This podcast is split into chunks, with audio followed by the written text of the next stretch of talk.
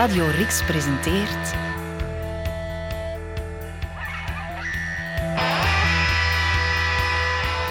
De man die zijn snor in brand stak. Het leven en de taalmuziek van de eenzame chroniqueur van Antwerpen, J.M.H. Berkmans. Aflevering 5, Rust in Putteke.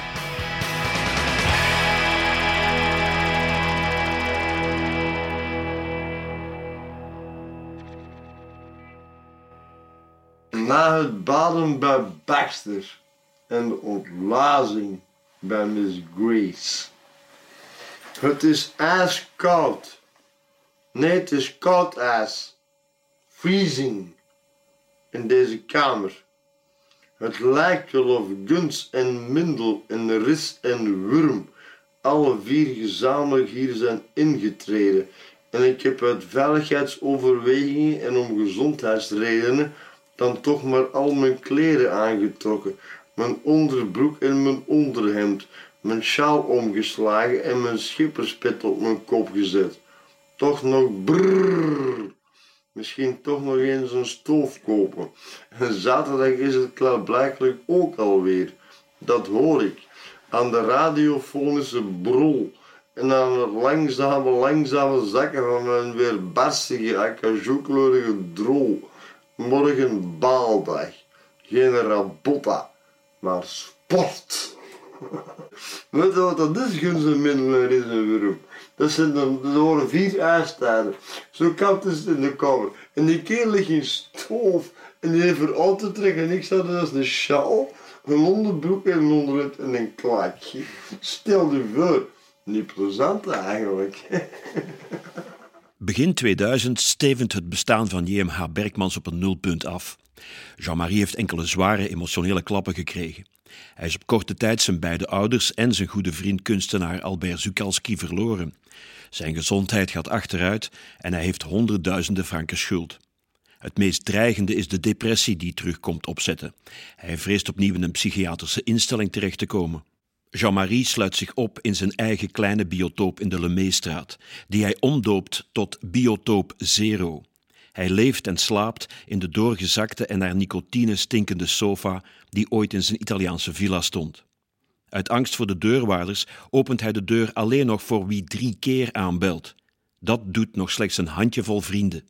De volhouders. Geert Brees, Leon Lemailleux, Dirk Smits. Jean-Marie's levensstijl is veel eisend, net als hij zelf. Ook Wim Jamar, een jonge, pas afgestudeerde filmmaker die een korte documentaire over Bergmans biotoop maakt, zal een stille maar constante aanwezigheid blijven in Jean-Marie's leven. Een steun ook, een houvast. Zo goed als altijd heeft hij een camera op zak. Doorheen de jaren documenteert Wim het werkproces en het leven in de grauwe zone, vaak op vraag van Jean-Marie zelf. Ondanks de dagelijkse ellende is het ook een periode van explosieve creativiteit. Het is alsof Jean-Marie als schrijvende al die ellende probeert te overstijgen. In iets meer dan twee jaar tijd werkt hij naast As op Jas Woensdag ook nog na het baden bij Baxter en de ontluizing bij Miss Grace af en het onderzoek begint. Er bestaat, dat is her en der en wijd en zijd bekend.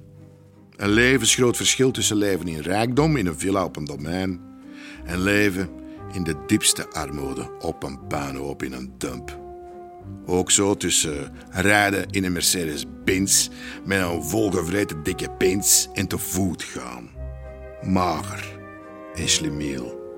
Met een ongeneeslijke aandoening in je linkerbeen die zelfs het pikkelen quasi onmogelijk maakt. Ik geraak nog amper 50 meter ver. Van hier tot in de Schaufelen Stamenij, bij Schaufelen Frit en Schaufel Whisky. Daar doe ik dan mijn dagelijkse zure bloederige pisje. Maar ik klaag niet, want ik heb alles al gehad.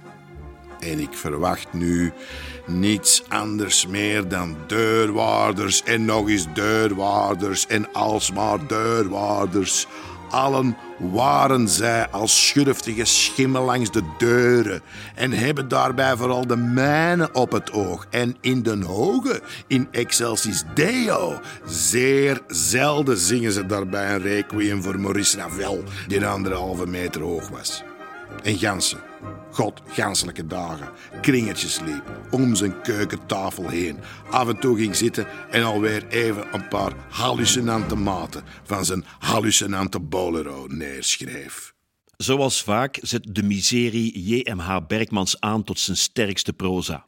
Na het baden bij Baxter en de ontluizing bij Miss Grace bevat beklijvende teksten als This is not the final rust in Putteke, waarin hij via brieven gesprekken voert met zijn overleden vader en moeder.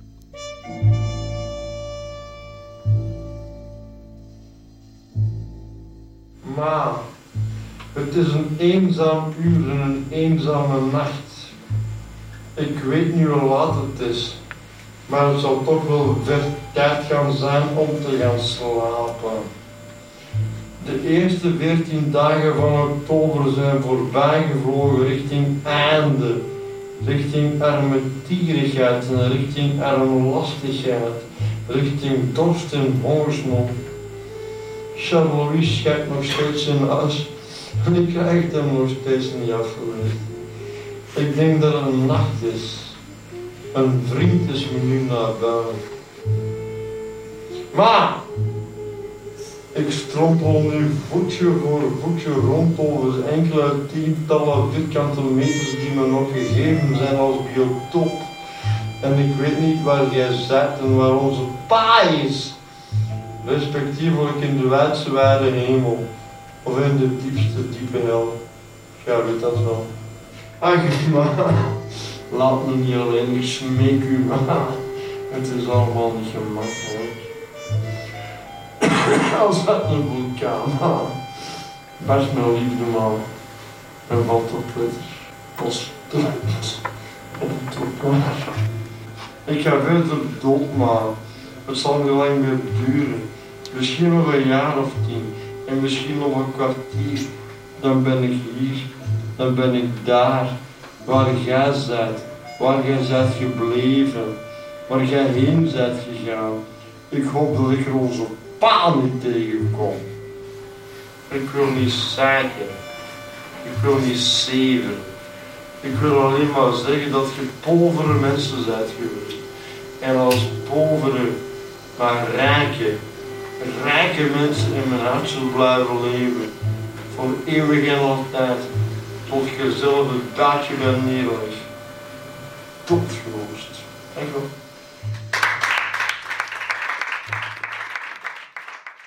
De openingszin van Alles wel in Kromskys hel is een bewust eerbetoon aan de Russische grootmeesters. Dan volgt een bizarre inkijk in het leven van een door deurwaarders achtervolgde man.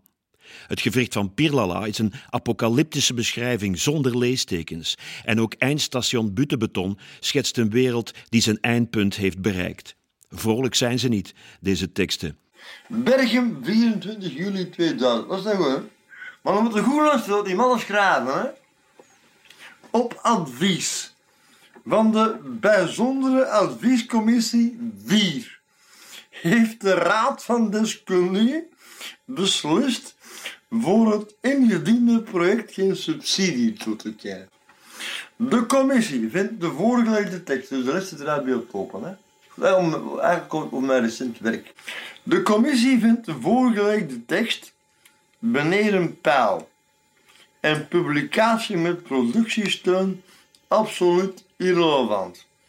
Het stuntelige proza bestaat uit een onleesbare mix van minderwaardige lijnen, flauwe woordgrapjes, provocerend bedoelde voorstellingen, zogenaamd hippe referenties en lucide samples voor de inkraut. Productietechnisch wordt de drukkost als extreem hoog aanzien.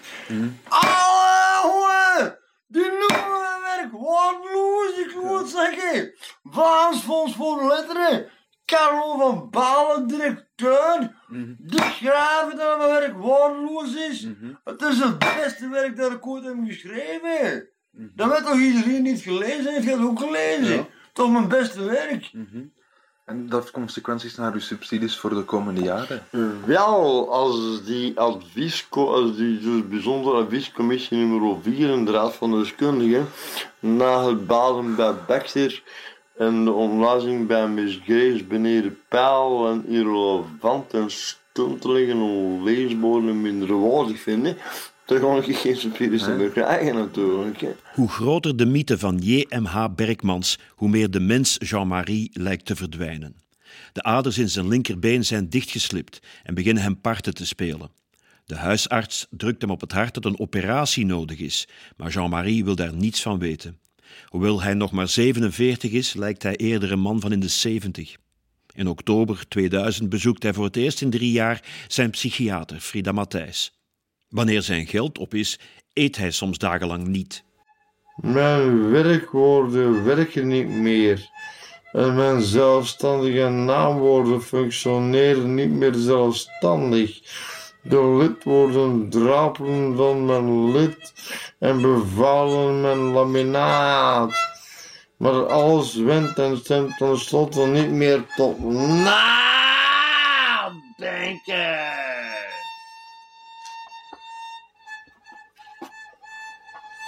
In de grond weet ik niet meer wat het ergste is aan de grond. Existentieel of financieel. Maar samen hangen die dingen!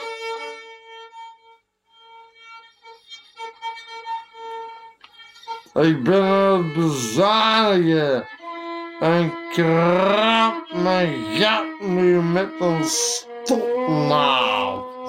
In plaats van met een penaas, penaas, penaas, penaas.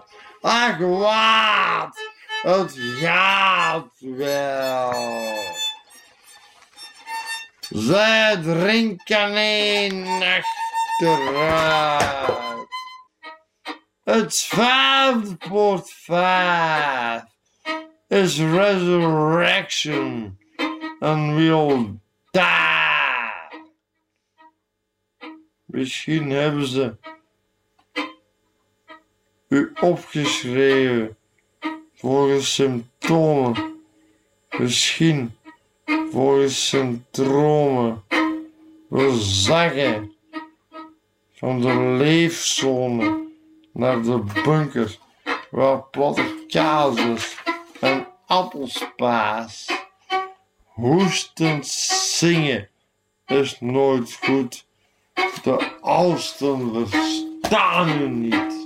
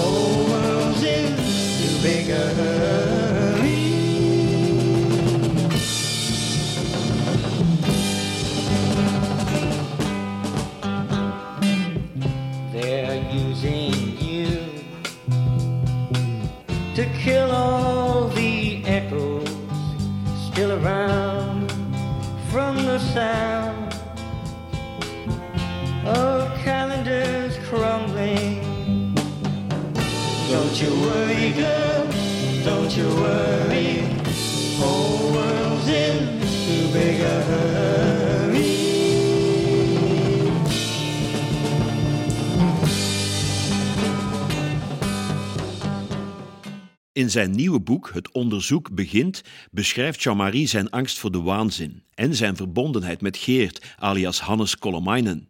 Deze wordt soms op de meest onmogelijke uren opgetrommeld, omdat Jean-Marie op een tekst zit te broeden die Geert als notulist mee vorm moet geven.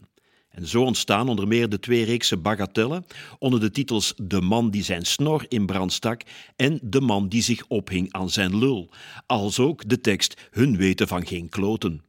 Gezeten aan de keukentafel dicteert en scandeert Jean-Marie zijn teksten, terwijl Geert in een schrift noteert. Een eerste aanzet is vaak al neergekrabbeld op een envelop of een deurwaardersexploot.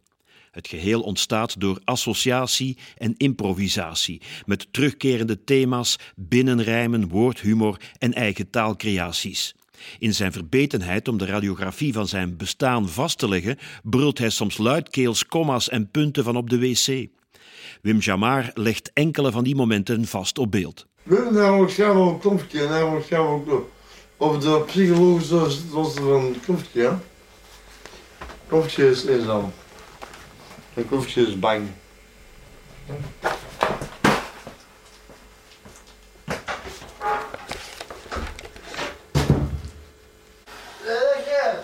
Ik heb dat. Knopje is in dan en knopje is bang. Kom maar. Kom maar. Kom maar, kom maar, kom maar, kom maar. Wat is het verschil? Kromski is eenzaam en Kromski is bang. Knopje weet van miserie niet meer waar hij nog moet krapen. Ja. Soms komt Max Mosseklet op bezoek. Kom maar. Dat is ook goed zo. Dat is ook een goeie ding, ja. Yes. Soms komt Max Mosseklet op bezoek, kom maar. Maar die is er nog erger aan toe. Die krapt alleen nog door de riolen. Als hij bij een gelukkig toeval als hij bij een gelukkig toeval. Als hij bij een gelukkig toeval. Dit kraapt doorheen de golven van deze afschuwelijke billenvil. Waarin wij veroordeeld zijn te leven. Wij allemaal, jij ook. Ik heb niet meer een rol, je ziet me dat. Ja, we, we zijn straffe gasten. Maar de Wim is bij zijn groep ook, ja, weet je wel. eh. Wat was dat laatste, Jean-Marie? Ja, dat, ik weet niet Ook wat- allemaal? Nee, ik weet het niet. Als hij bij een gelukkig toeval niet kruipt doorheen de goten van deze ongelukkige bidonville, waarin wij allemaal gedoemd zijn te leven, ook jij. Allemaal? Ook jij allen. Ook jij, nee, ook jij. Ook jij. Kom maar. Wally allemaal. Wally allemaal. Wally. Wella. Je wel? Geerts alias, Hannes Kolomainen, was een taaie Finse lange afstandsloper die op de Olympische Spelen van 1920 in Antwerpen goud behaalde op de marathon. Naast zijn soepele tred stond hij ook bekend om zijn onvermoeibare glimlach. Om dagelijks met Jean-Marie op te trekken is het uithoudingsvermogen van een lange afstandsloper nodig. Behalve notulist is Geert ook de tussenpersoon tussen Jean-Marie en de buitenwereld.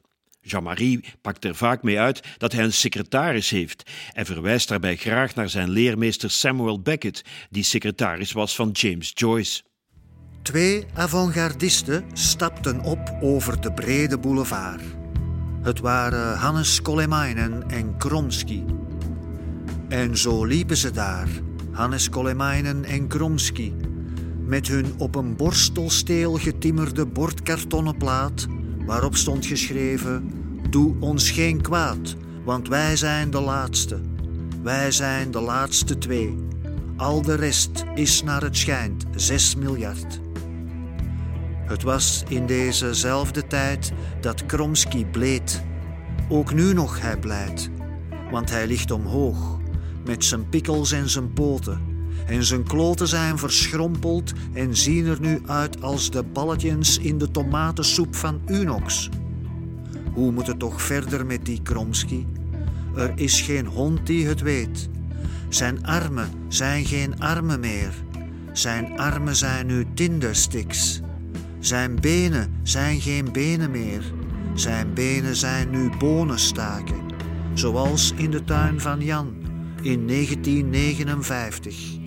Heden ten een betonfabriek, cement, asfalt.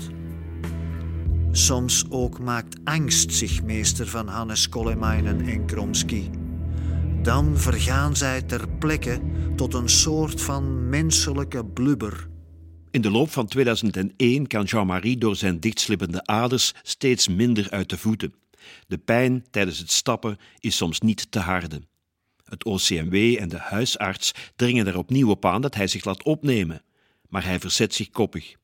Hij weegt nog maar 50 kilo. In het voorjaar van 2002 zit hij thuis in een rolstoel en soms vergeet hij dat hij best nog in staat is om korte afstanden te stappen. Tegen zijn goede vriend Leon Lemailleux klaagt hij dat hij met zijn rolstoel niet in het wc-huisje geraakt of langs de met bierblikjes volgepropte vuilzakken. Sta dan gewoon recht, merkt Leon op, waarop Jean-Marie zegt: Wat een geniaal idee! Er komt een dag dat ik stop zeg en alle dingen stopzet. Alle gebeurtenissen, alle toestanden, mijn hersenactiviteit en mijn tikker. Dan stoppen de blaren met vallen en de bomen met botten. Dan valt het licht uit en verstomt de soundtrack. Er zijn niet genoeg lieve mensen en de wereld moet beter worden, Anzi. De wereld moest al lang beter geworden zijn. Hij weet het zelf goed genoeg, maar hij vertikt het. Ik zou wel willen huilen, maar grote jongens huilen alleen als niemand hen ziet. En er staan nu webcams op mijn keukenstoel en mijn sofa en mijn bed en mijn scheidhuis. En dus droog ik mijn ogen en zing mijn lied nog slechts. En als er geen nieuws is, is slecht nieuws ook goed. Als ik niet meer op mijn stoel kan blijven zitten, kan ik nog altijd op mijn honger blijven zitten. En als ik niet meer op mijn sofa kan blijven liggen, kan ik nog altijd op sterven gaan liggen, op een zaal in het hospitaal. Alleen is maar alleen. Gelukkig maar. Stel je voor dat je behalve dystemisch en depressief en tandeloos ook nog schizofreen was. Lollig. Funny. De tijd begint te korten. Het is vijf voor twaalf.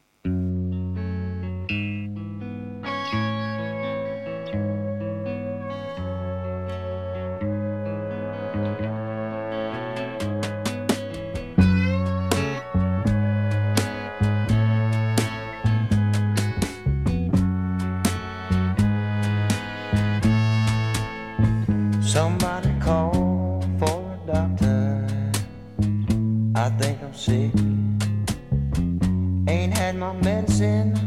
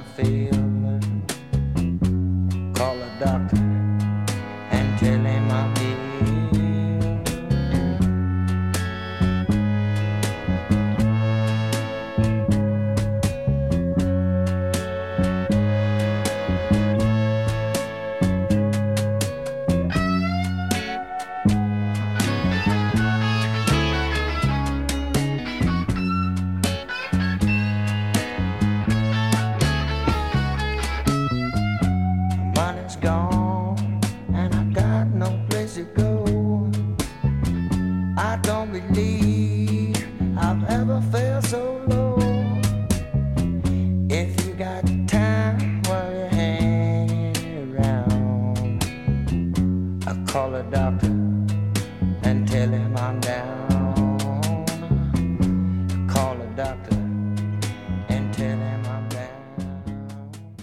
Begin mei 2002 leest Jean-Marie in de krant dat in Studio Tokyo van het Antwerpse toneelhuis een toneelstuk wordt opgevoerd onder de titel Tabula Rasa, wat dat hier eigenlijk voor een kot is.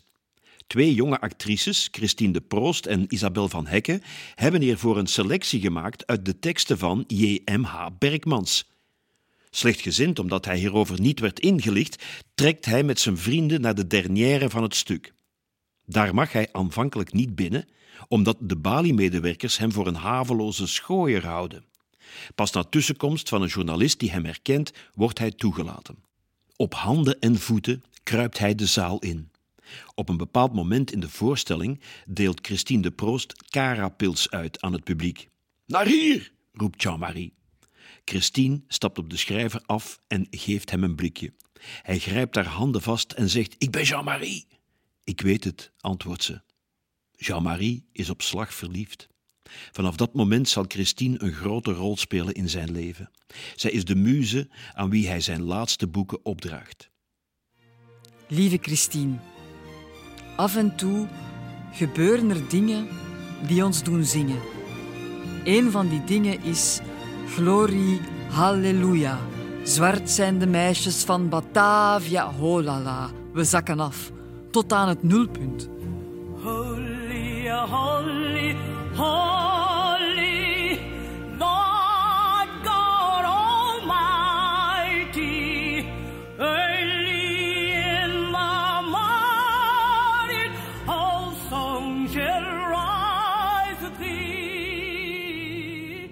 Of zijn verliefdheid helpt, is onduidelijk. Maar in elk geval gaat Jean-Marie in op de smeekbeden van huisarts en OCMW om zich voor zijn rokersbenen en longen te laten opnemen in het ziekenhuis. Hij begint er meteen brieven aan Christine te schrijven. Lieve Christine, ik heb de katatone sector verlaten en bevind mij op dit eigenste ogenblik in het pafkot in het zoekhuis, op de vierde verdieping, om kwart voor vier. De kopsus heeft me gevraagd, gesmeekt, om van kamer 402 geen eindgeldige puinhoop te maken. Ik zei dat ik het in overweging zou nemen, dat ik nog zou zien. Vervolgens ben ik een joint gaan roken op de wc van orthopedie. Daar vinden ze me nooit. De klok in het pafkot loopt een minuut achter. Zelf weet ik exact en tot op de seconde wanneer ik in het pafkot ben of op kamer 402 van dit zoekhuis. Dat is het goede ding. Want toen ik twee weken geleden de katatone sector verliet, wist ik helemaal niets meer. Nougabollen. Wat ik niet het goede ding vind aangaande dit zoekhuis, is dat de muziek in dit zoekhuis overal zo zacht staat dat je ze haast niet hoort. Niet het goede ding dus voor een maniak van het akoestische Walhalla. Vroeger, s'nachts, in de katatone sector, luisterde ik wel eens naar de nachtegaal of het gezwets van tante Clara. Daar moet ik hier niet mee voor de dag komen. Er zit een man met een baard en een snor en een zwart omrande bril in het pafkot. En hij is een brief aan het schrijven aan een meisje in een prachtige, prachtig rode regenjas. En die man ben ik en dat meisje ben jij. En zo is dat. En ken je dat van dat varken en die snuit? Liefs en tot spoedig. J.M. Hot town, summer in the city. Back of my neck getting dirt and gritty. Bend down, it a pity? Doesn't seem to be a shadow in the city. All around, people looking half dead, walking on the sidewalk hotter than a match head. But at night it's different world. Go out and find a girl. Come on, come on and dance all night. Despite the heat, it'll be alright. Don't you know it's a pity the days can't be like the nights in the summer in the city, in the summer, in the city. Cool town, meeting in the city, dressed so fine and looking so pretty. Cool cat looking for a kitty, gonna look in every corner of the city. Till I'm wheezing like a bus stop, running up the stairs, gonna meet you on the rooftop. But at night it's a different world. Go out and find a girl. Come on, come on and dance all night. Just like the heat, it'll be alright. And babe, don't you know it's a pity the days can't be like the nights in the summer, in the city, in the summer, in the city.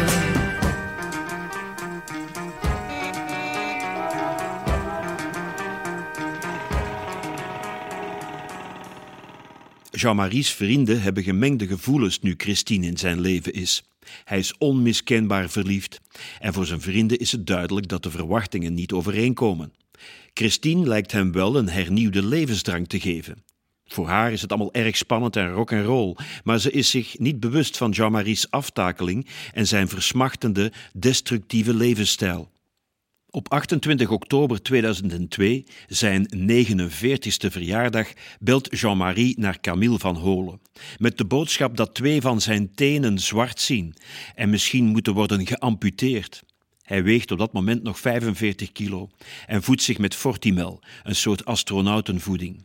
Als hij naar de pizzafoon belt, is het niet om een pizza, maar om blikjes bier te bestellen. Tijdens het andere boek blijkt hij niet meer in staat tot publieke performances.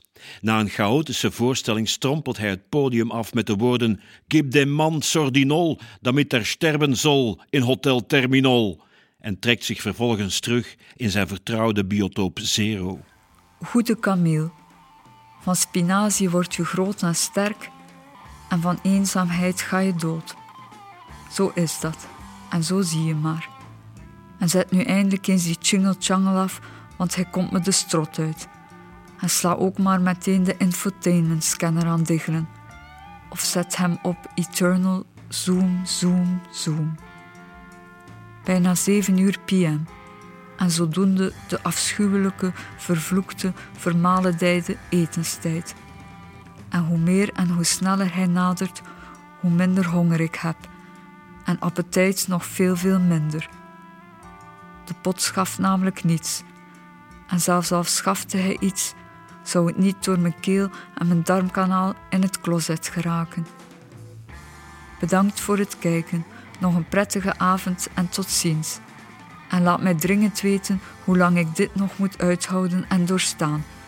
En verwittig de palliatieven al maar. Nu. Delf jij alvast mijn onderspit. Mijn graf zal ik zelf wel delven timmer jij aan de weg. Ik timmer wel aan mijn kist. Want god ja, in Oezbekistan is het ook iets. En soms had ik liever een hazenlip of een open schedel dan dit hier. Het OCMW zet hem onder druk om zich opnieuw in het ziekenhuis te laten aansterken. Er wordt gedreigd met het opschorten van leefgeld en thuishulp. Jean-Marie blijft koppig in de Lemeestraat kamperen, hunkerend naar de bezoeken van zijn muze Christine, die hij brieven en bloemen stuurt. Brieven die Christine vaak onbeantwoord laat. Hij lijdt onder zijn fascinatie voor deze vrouw, die af en toe binnenwaait om dan weer een hele tijd te verdwijnen, bang om verkeerde verwachtingen te scheppen. Zijn verlatingsangst maakt hem veel eisend en grillig.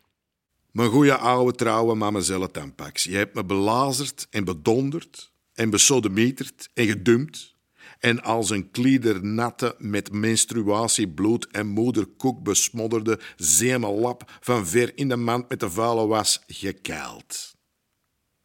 Het goede en enige ding dat je kon doen, was jezelf in veiligheid brengen en dat heb je goed gedaan. En daar heb je goed aan gedaan. Proficiat. Bloedmooi mormel. Je bent op je strepen gaan staan mijn lieve kleine zebra, eieren voor je geld, zoals het niet helemaal hoort. En hoe dol verliefd ik op je was. Stapelgek, compleet gagapan.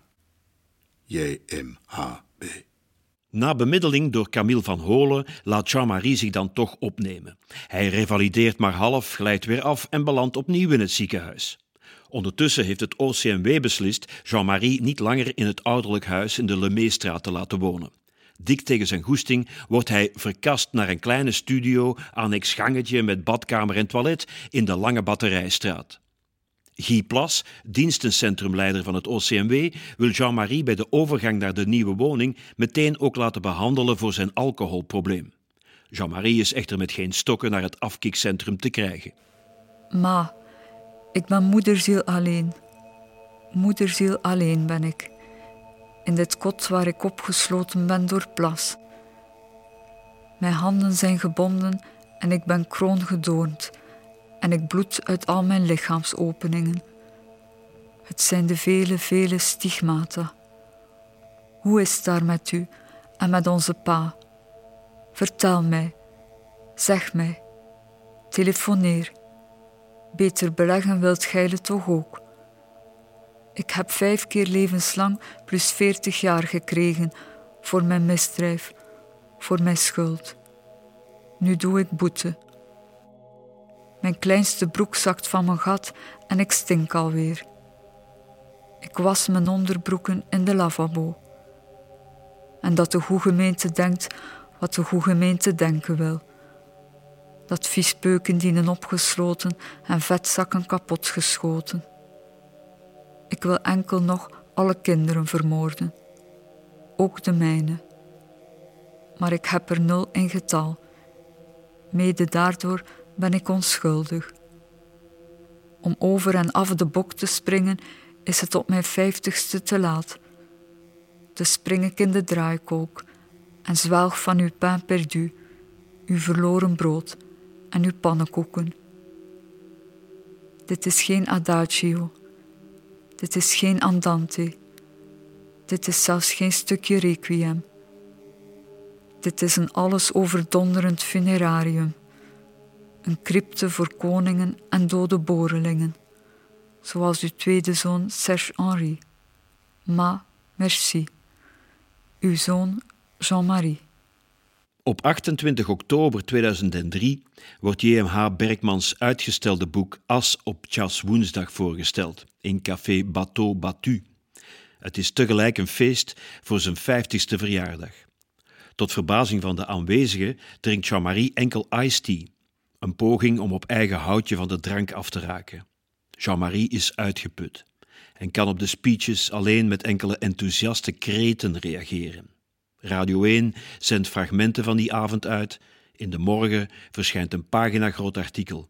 En Knak publiceert een uitgebreid interview onder de titel Pionier van de verlatenis. Sometimes I feel like a motherless child.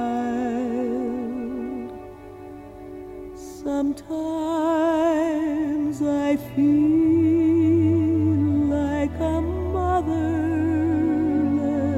child. Sometimes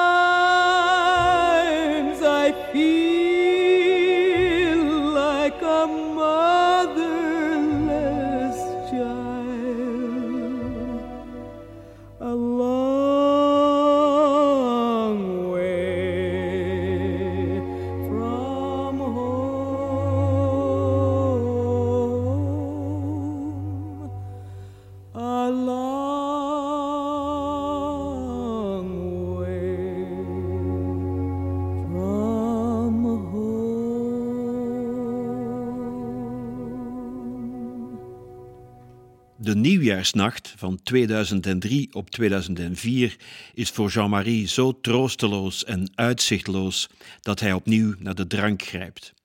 De kalmeerpillen liggen binnen handbereik. Op een stoel zitten is te pijnlijk, want door de ondervoeding steken de knoken van zijn achterwerk door zijn vel. Op de maagdelijk witte muren van zijn studio heeft hij Dirk en Geert in grote letters de woorden angst en broekscheiterij laten schilderen. Schoonmaakster Vivian drijft hij tot wanhoop door tijdens het poetsen zijn sigarettenpeuken op de vloer te laten vallen. Het OCMW schort de hulp op. Dat maakt weinig indruk. De verloedering neemt alleen maar toe. Ik zie geen mensen meer. Ik zie alleen maar koppen. Knikkende koppen met stokken eronder en verdoemen zichzelf. En weet nog donders goed en deksels wel, o Rita Tushingham, dat een druiper en een snotneus en een endeldarm had die naar ontbinding stonk. en had een druiper en een snotneus en een endeldarm die naar ontbinding stonk. Gloriate, halleluja. En stond te schreeuwen op de bodem van de oceaan tot in het hartje van de hemel, die nooit of nooit of nooit of nooit vergeving schonk. En stond te schreeuwen op de bodem van de oceaan tot in het hartje van de hemel, die nooit vergeving schonk. Jubilate, halleluja en liep naakt en onvertogen door de straten van de grauwzone, door de regen en de hagel en de sneeuw en de ijselijkste kou, tot van ellende en miserie blonk, en liep naakt en onvertogen door de straten van de grauwzone, tot van ellende blonk. Ora pro nobis, halleluja. Voor een hommage aan J.M.H. Berkmans trekt Chris van Kamp in 2004 met Gorky-zanger Luc de Vos naar de Lange Batterijstraat. Op dat moment gaat het heel slecht met Jean-Marie. Het is een ontluisterende ontmoeting tussen twee kunstenaars die elkaar bewonderen. Ik heb uh, Jean-Marie Berkmans leren kennen tien jaar geleden met zijn uh, roman Ontbijt in het Veelbeluik. En ik was direct verkocht. Met die roman heeft hij bewezen dat hij de beste schrijver van België is. Nog beter dan Guido Gezelle en nog beter dan Hugo Claus eigenlijk. Oh, Jean-Marie, ik ben hier al. Goedemiddag. Zijn ze ziek, joh? Zijn je ziek? Oeh, heb je toch geen valling of wat? In het ziekenhuis, ik heb van alles, dat je dat niet goed is. Dat en is zo. en is dat nu leven of wat? Overal. Over alles. Alles. Alles. Longen, duurs, van gas. Alle kapot. Kom dat, hè. Chito, en ik denk dan altijd dat, dat ik me soms niet, niet al te hoef. Ja, ik voel me.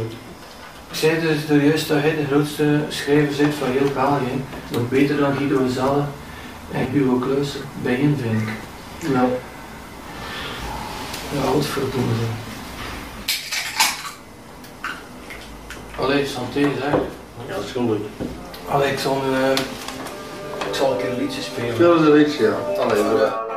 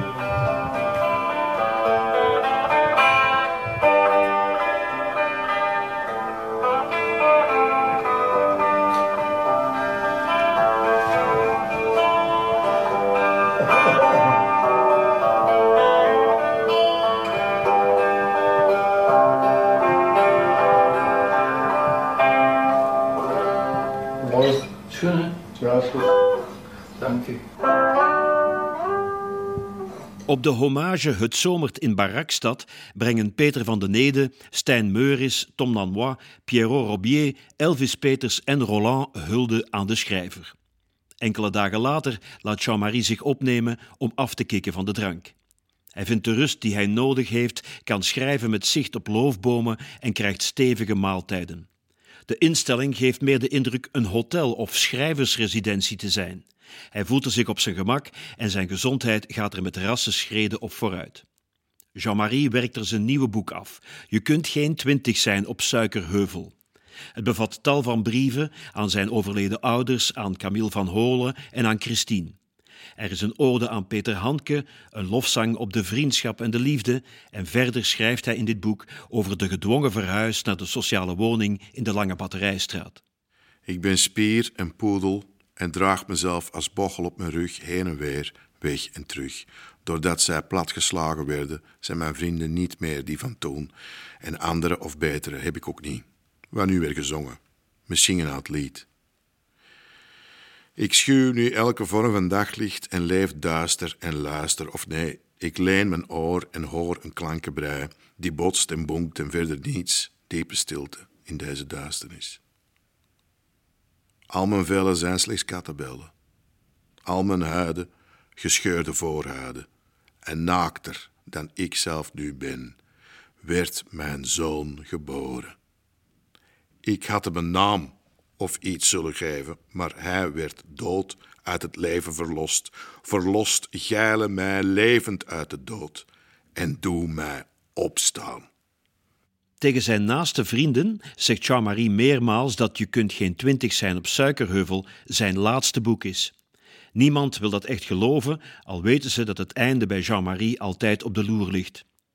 In 2006 bouwt hij een nieuw netwerk uit eh, waarop hij kan terugvallen. De fietsenwinkel van Jakke Hellemans, de fietsenfixer. Het is een piepkleine winkel waardoor Jakke vaak op het voetpad aan fietsen staat te sleutelen. Op een dag roept zijn vriendin: Jakke, er zit een clochard achter de kassa. Het is oké, stelt Jakke haar gerust, dat is Jean-Marie. De fietsenfixer verzorgt Jean-Marie's mailverkeer en houdt een oogje in het zeil. Jakke en zijn medewerkers zijn voor hem een klankbord. Bij een kop koffie fulmineert hij over de dingen die hij op het radionieuws hoort of leest hij de teksten voor die hij aan het schrijven is. Deze teksten zullen postuum verschijnen onder de titel Vier laatste verhalen. Als Johan Janssens struikelt over het lichaam van Jan B. Kous en het eerste ochtendjournaal, daarbij leven en lot in handen leggend van Machteld Libert, pas dan, niet eerder, breekt de dag aan. En zijn alle bangelijke boze bakkenskloppers bezopen onderweg, gestapt of gekropen naar huis. Exit Oude P. Enter Shift 2. Het is niet goed gegaan met de spin Sebastiaan, maar het is terminaal afgelopen met de man die dacht dat Ferenc Puskas Luppe Luppe Lup de Gardeville van Merksplas was. Moraal van dit verhaal. Druk op opties en hang u op aan hekje. Jean-Marie's uitgeverij doet geen enkele moeite om een boekvoorstelling te organiseren voor Je kunt geen twintig zijn op Suikerheuvel. De contacten lopen moeilijk, er zijn veel spanningen en Jean-Marie vreest zelfs dat zijn boeken nooit meer uitgegeven zullen worden. Zijn goede vriend Léon Lemayeux organiseert dan maar zelf een boekvoorstelling. Op 28 oktober 2006 zit Café de Tweede Zit afgeladen vol. Het wordt een feestelijke avond en het boek zelf wordt lovend ontvangen. Humo schrijft een sublieme verzameling rafelige mini-symfonieën, ijselijke oerschreeuwen en bijwijlen ondraaglijk ontroerende brieven. Vooral die aan zijn ouders gaan door merg en been. Lieve Christine, ons ma en onze pa hadden nooit moeten sterven, want ze zijn niet mogen, maar moeten sterven. Alles zou anders zijn geweest.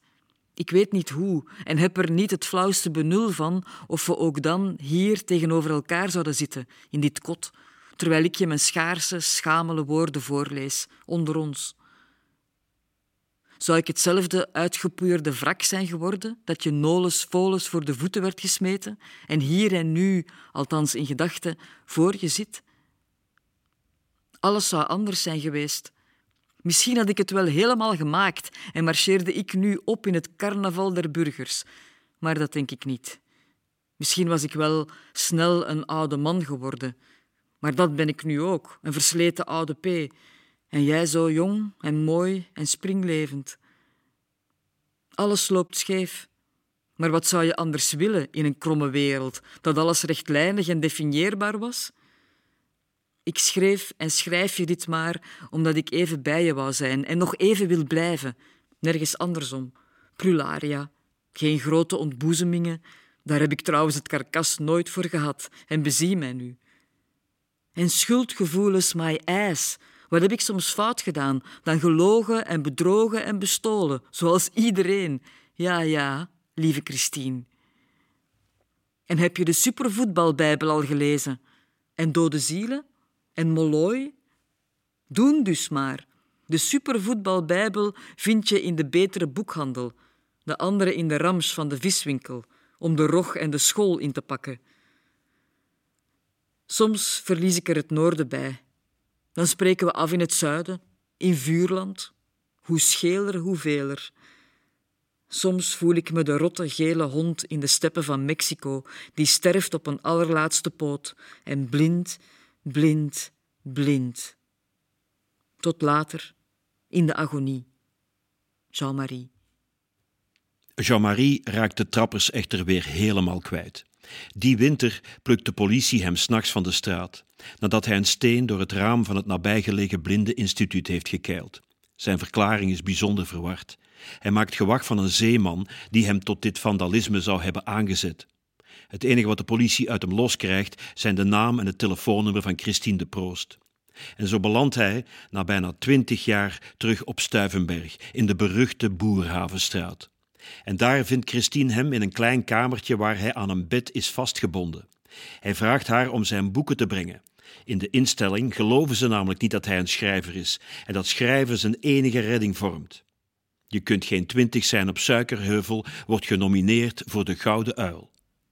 Nu ik blind ben en niet meer zing, nu ik doof ben en niet meer spreek, nu ik stom ben en niet meer hoor, nu ik transparant geworden ben, hebben ze me hierheen gekeild. Hier, waar existeren de enige mogelijkheid is, in zot geweld en zonder geld. Maar ik kan schrijven, en dus schrijf ik. Ik schrijf de mottigheid en de walg van zonder tand. Wat nu gezongen? Misschien een nieuw lied. Nu ja, het lied van een oude, tandeloze tovenaar is rap gezongen. En zoals ieders wens is het ook mijn eigen wens om bemind en geliefkoosd te worden. Waarom dan word ik verstoten?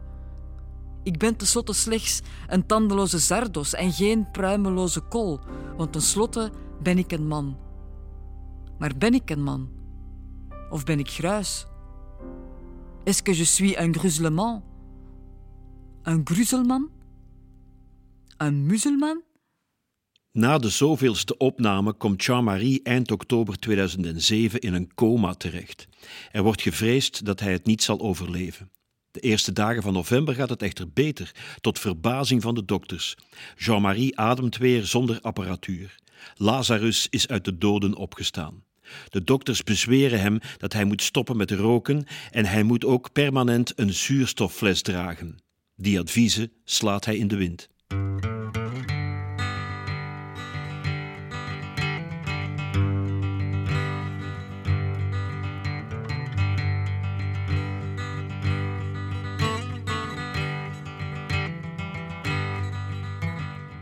In het diepste van mijn dump en op het topje van mijn mesthoop zit ik te denken en na te denken over de problemen van de wereld, armoede en liefdeloosheid. Alles ziet zwart en ik zie geen spatje licht, geen putje. Misschien is mijn basisgenoom defect of heb ik iets aan mijn ogen. Gelukkig krijg ik nog steeds mijn kicks op Route 66. En kijk maar uit voor de maatschappij. Als je niet aanstaat, gooit ze buiten, zoals mij, Jean.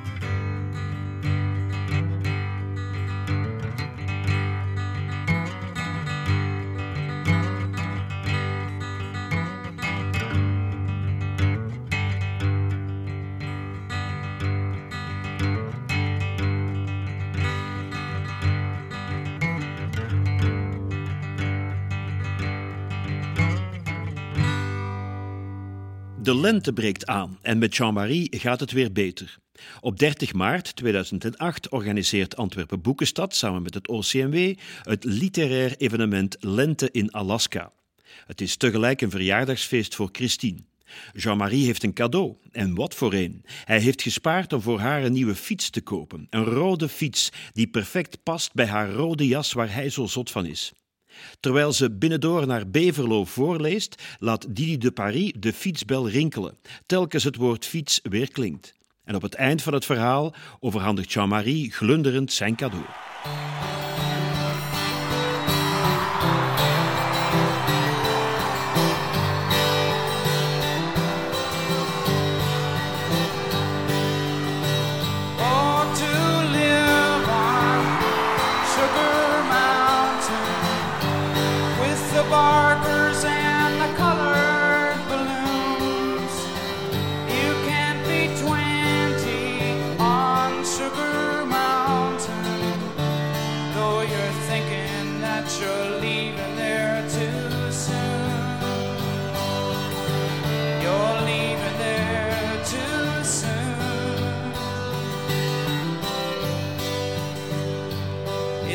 Noisy at the fair, but all your friends are there. And the candy floss you had, and your mother and your dad. Oh, to live on Sugar Mountain with the barkers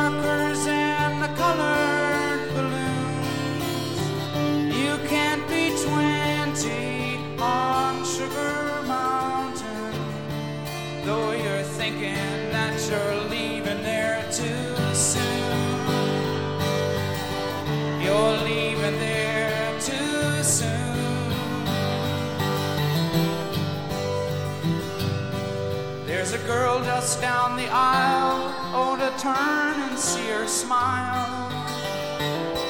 You can hear the words she wrote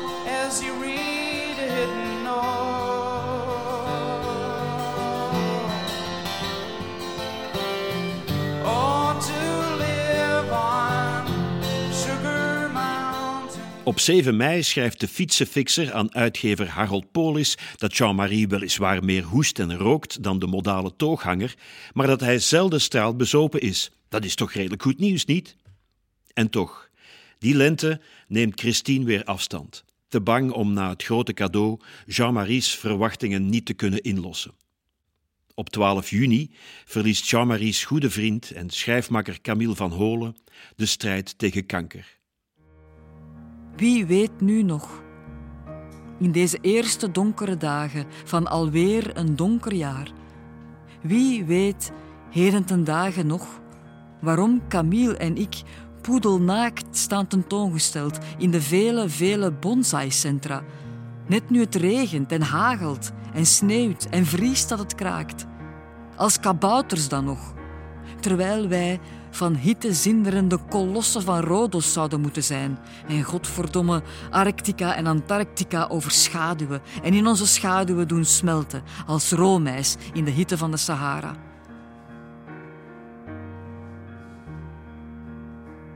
Nog geen drie maanden later, op zondagnamiddag 31 augustus 2008, wordt J.M.H. Berkmans dood aangetroffen in zijn sofa. Hij is amper 54. Jean-Marie herhaalde vaak dat hij niet oud zou worden en familie en vrienden kenden de risico's van zijn extreme levensstijl. Toch komt zijn dood als een schok. Ik heb altijd de wind op kop gehad. Ook in het holst van moeder en daarvoor in het scrotum van vader. Vandaag ben ik alleenig en morgen ben ik nog alleeniger. Morgen niets het niets ten huize van Jean-Marie. Ik ben de schim. Ik ben de schaduw. Ik ben de schim van de schaduw van mezelf.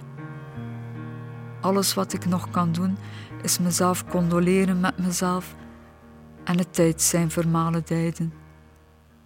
En met mijn grootbakkes ben ik ook niet ver gekomen. Jean-Marie ligt begraven op het ereperk van het Schoonselhof, schuin tegenover het graf van zijn vriend beeldhouwer Albert Zukalski.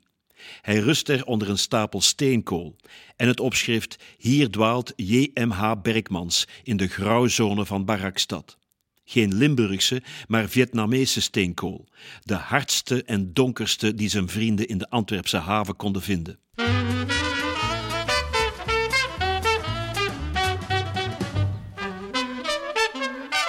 Maar J.M.H. Berkmans is niet dood. Zijn taal is springlevend en zal voor eeuwig blijven spetteren, kletteren en schetteren door de grauwzone.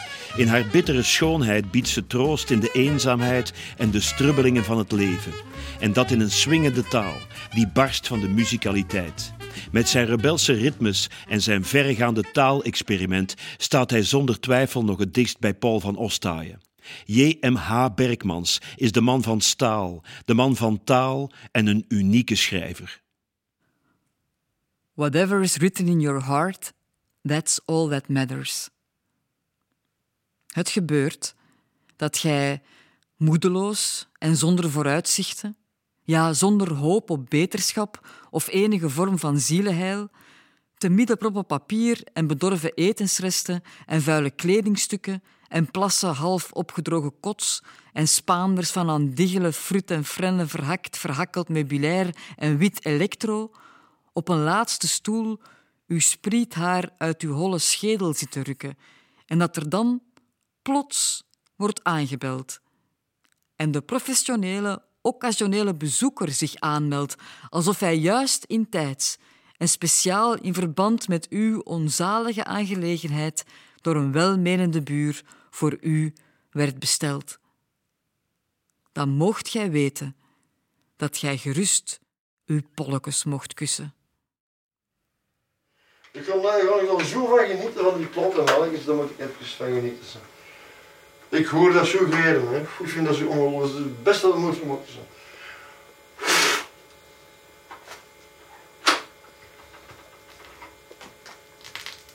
Maar dat is wel. Ongelooflijk. Dit is het wel. Lul. Paljas. Zo